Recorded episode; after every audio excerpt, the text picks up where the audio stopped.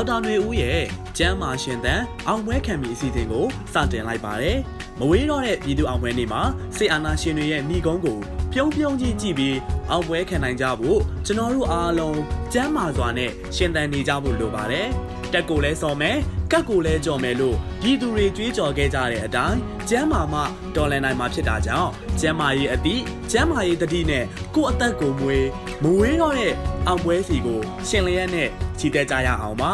ကိုရောစိတ်ပါအားပြည့်ကျမ်းမာနေစေဖို့မေးမြန်းလိုတဲ့မေးခွန်းတွေရှိရင်ဒီစီတီလေးရဲ့အောက်မှာဖြစ်စေ PVTV ရဲ့ Messenger ဘောက်မှာဖြစ်စေ info@pvtvmyanmar.net ကိုပဲဖြစ်ဖြစ်ပေးပို့၍မေးမြန်းနိုင်ပါတယ်အရေးတော်ပုံအောင်ရမည် COVID-19 ရုပ်ွယ်တစ်ခုဖြစ်တဲ့ Omicron နဲ့ပတ်သက်ပြီးတော့မြန်မာနိုင်ငံရှိပြည်သူလူထုကြားထဲမှာ အတော်လေးကိုအတန်ကျဲလာတာကိုတွေ့ရတယ်။ဒီအပိုင်းတွေမှာယာတီဥထုကလည်းအေးလာတယ်တချို့နေရာတွေမှာမိုးရွာနေတူ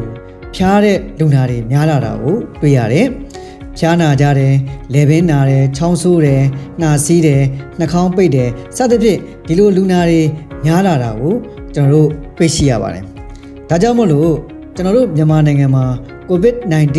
စုရလှိုင်းများမြင့်တက်လာပြီလားဆိုတာကိုပြည်သူလူထုကြားထဲမှာစိုးရိမ်ကြောင်းကြမှုတွေဖြစ်လာတာကိုတွေ့ရပါတယ်။ကျန်းမာရေးပညာရှင်တချို့ခံမှန်းထားတာကလည်းဇန်နဝါရီလကုန်ဖေဖော်ဝါရီလထဲမှာဆိုရင်မြန်မာနိုင်ငံမှာ COVID-19 စုရလှိုင်းဟာအမြင့်ဆုံးအခြေအနေရောက်သွားနိုင်တယ်ဆိုပြီးတော့ခံမှန်းထားတာတွေလည်းရှိတဲ့ကြောင့်မို့လို့မိဘပြည်သူတွေအနေနဲ့ COVID-19 ယောဂကာကွယ်မှုလုပ်ငန်းတွေကိုတေချာဂယုတစိုက် လိုက်နာဆောင်ရွက်စေခြင်းပါတယ်။တဦးချင်းစီလိုက်လိုက်နာဆောင်ရွက်ဖို့အရင်ရေးကြည့်ပါတယ်။အရင်လှိုင်းတွေတုန်းကလည်းတိထားပြီးတဲ့ကာကွယ်နည်းတွေဖြစ်တဲ့အပြင်ထွက်တိုင်း mask ကိုစနစ်တကျမဖြစ်မနေတက်ပေးပါ။လက်ကိုမကြာခဏဆေးပေးပါ။စပ်ပြာနဲ့တော့၎င်းလက်တန့်ဆေးနဲ့တော့၎င်းဆေးပေးပါ။ တက်နိုင်တဲ့လောက်လူစုလူဝေးရှောင်ပါစသဖြင့်ဒီကာကွယ်မှုလုပ်ငန်းတွေကိုပြည်သူလူထုတူးချင်းစီကနေတည်တည်ချာချာလိုက်နာဆောင်ရွက်ဖို့အရေးကြီးပါတယ်အခုတချို့ကလည်းအဲဆေးစစ်ကြည့်တဲ့အခါမှာ Omicron virus အမျိုးအစားတွေ့ရတယ်ဆိုပြီးတော့သတင်းတွေမှာတွေ့နေရပါတယ်ဒါကြောင့်မို့လို့မိဘပြည်သူတွေအနေနဲ့တတိယလှိုင်းလုံးအလိုဆုံးရှုံးမှုတွေထိခိုက်မှုတွေမများရလေအောင်တူးချင်းစီကနေပြီးတော့ကာကွယ်မှုတွေ ဟိုလုပ်ဖို့အရေးကြီးတယ်ပြင်ဆင်ထားတာတွေလည်းကြိုတင်ပြင်ဆင်ထားဖို့အရေးကြီးပါတယ်တတိယလိုင်းလုံးမှာကကျွန်တော်တို့အောက်ဆီဂျင်တွေမရခဲ့ဘူးစေကူတာမှုခံယူဖို့အခက်အခဲတွေရှိခဲ့တယ်အသက်သေဆုံးတာတွေအဖိတ်အစင်တွေများခဲ့တယ်ဖြစ်ပွားလုံးတွေများခဲ့တယ်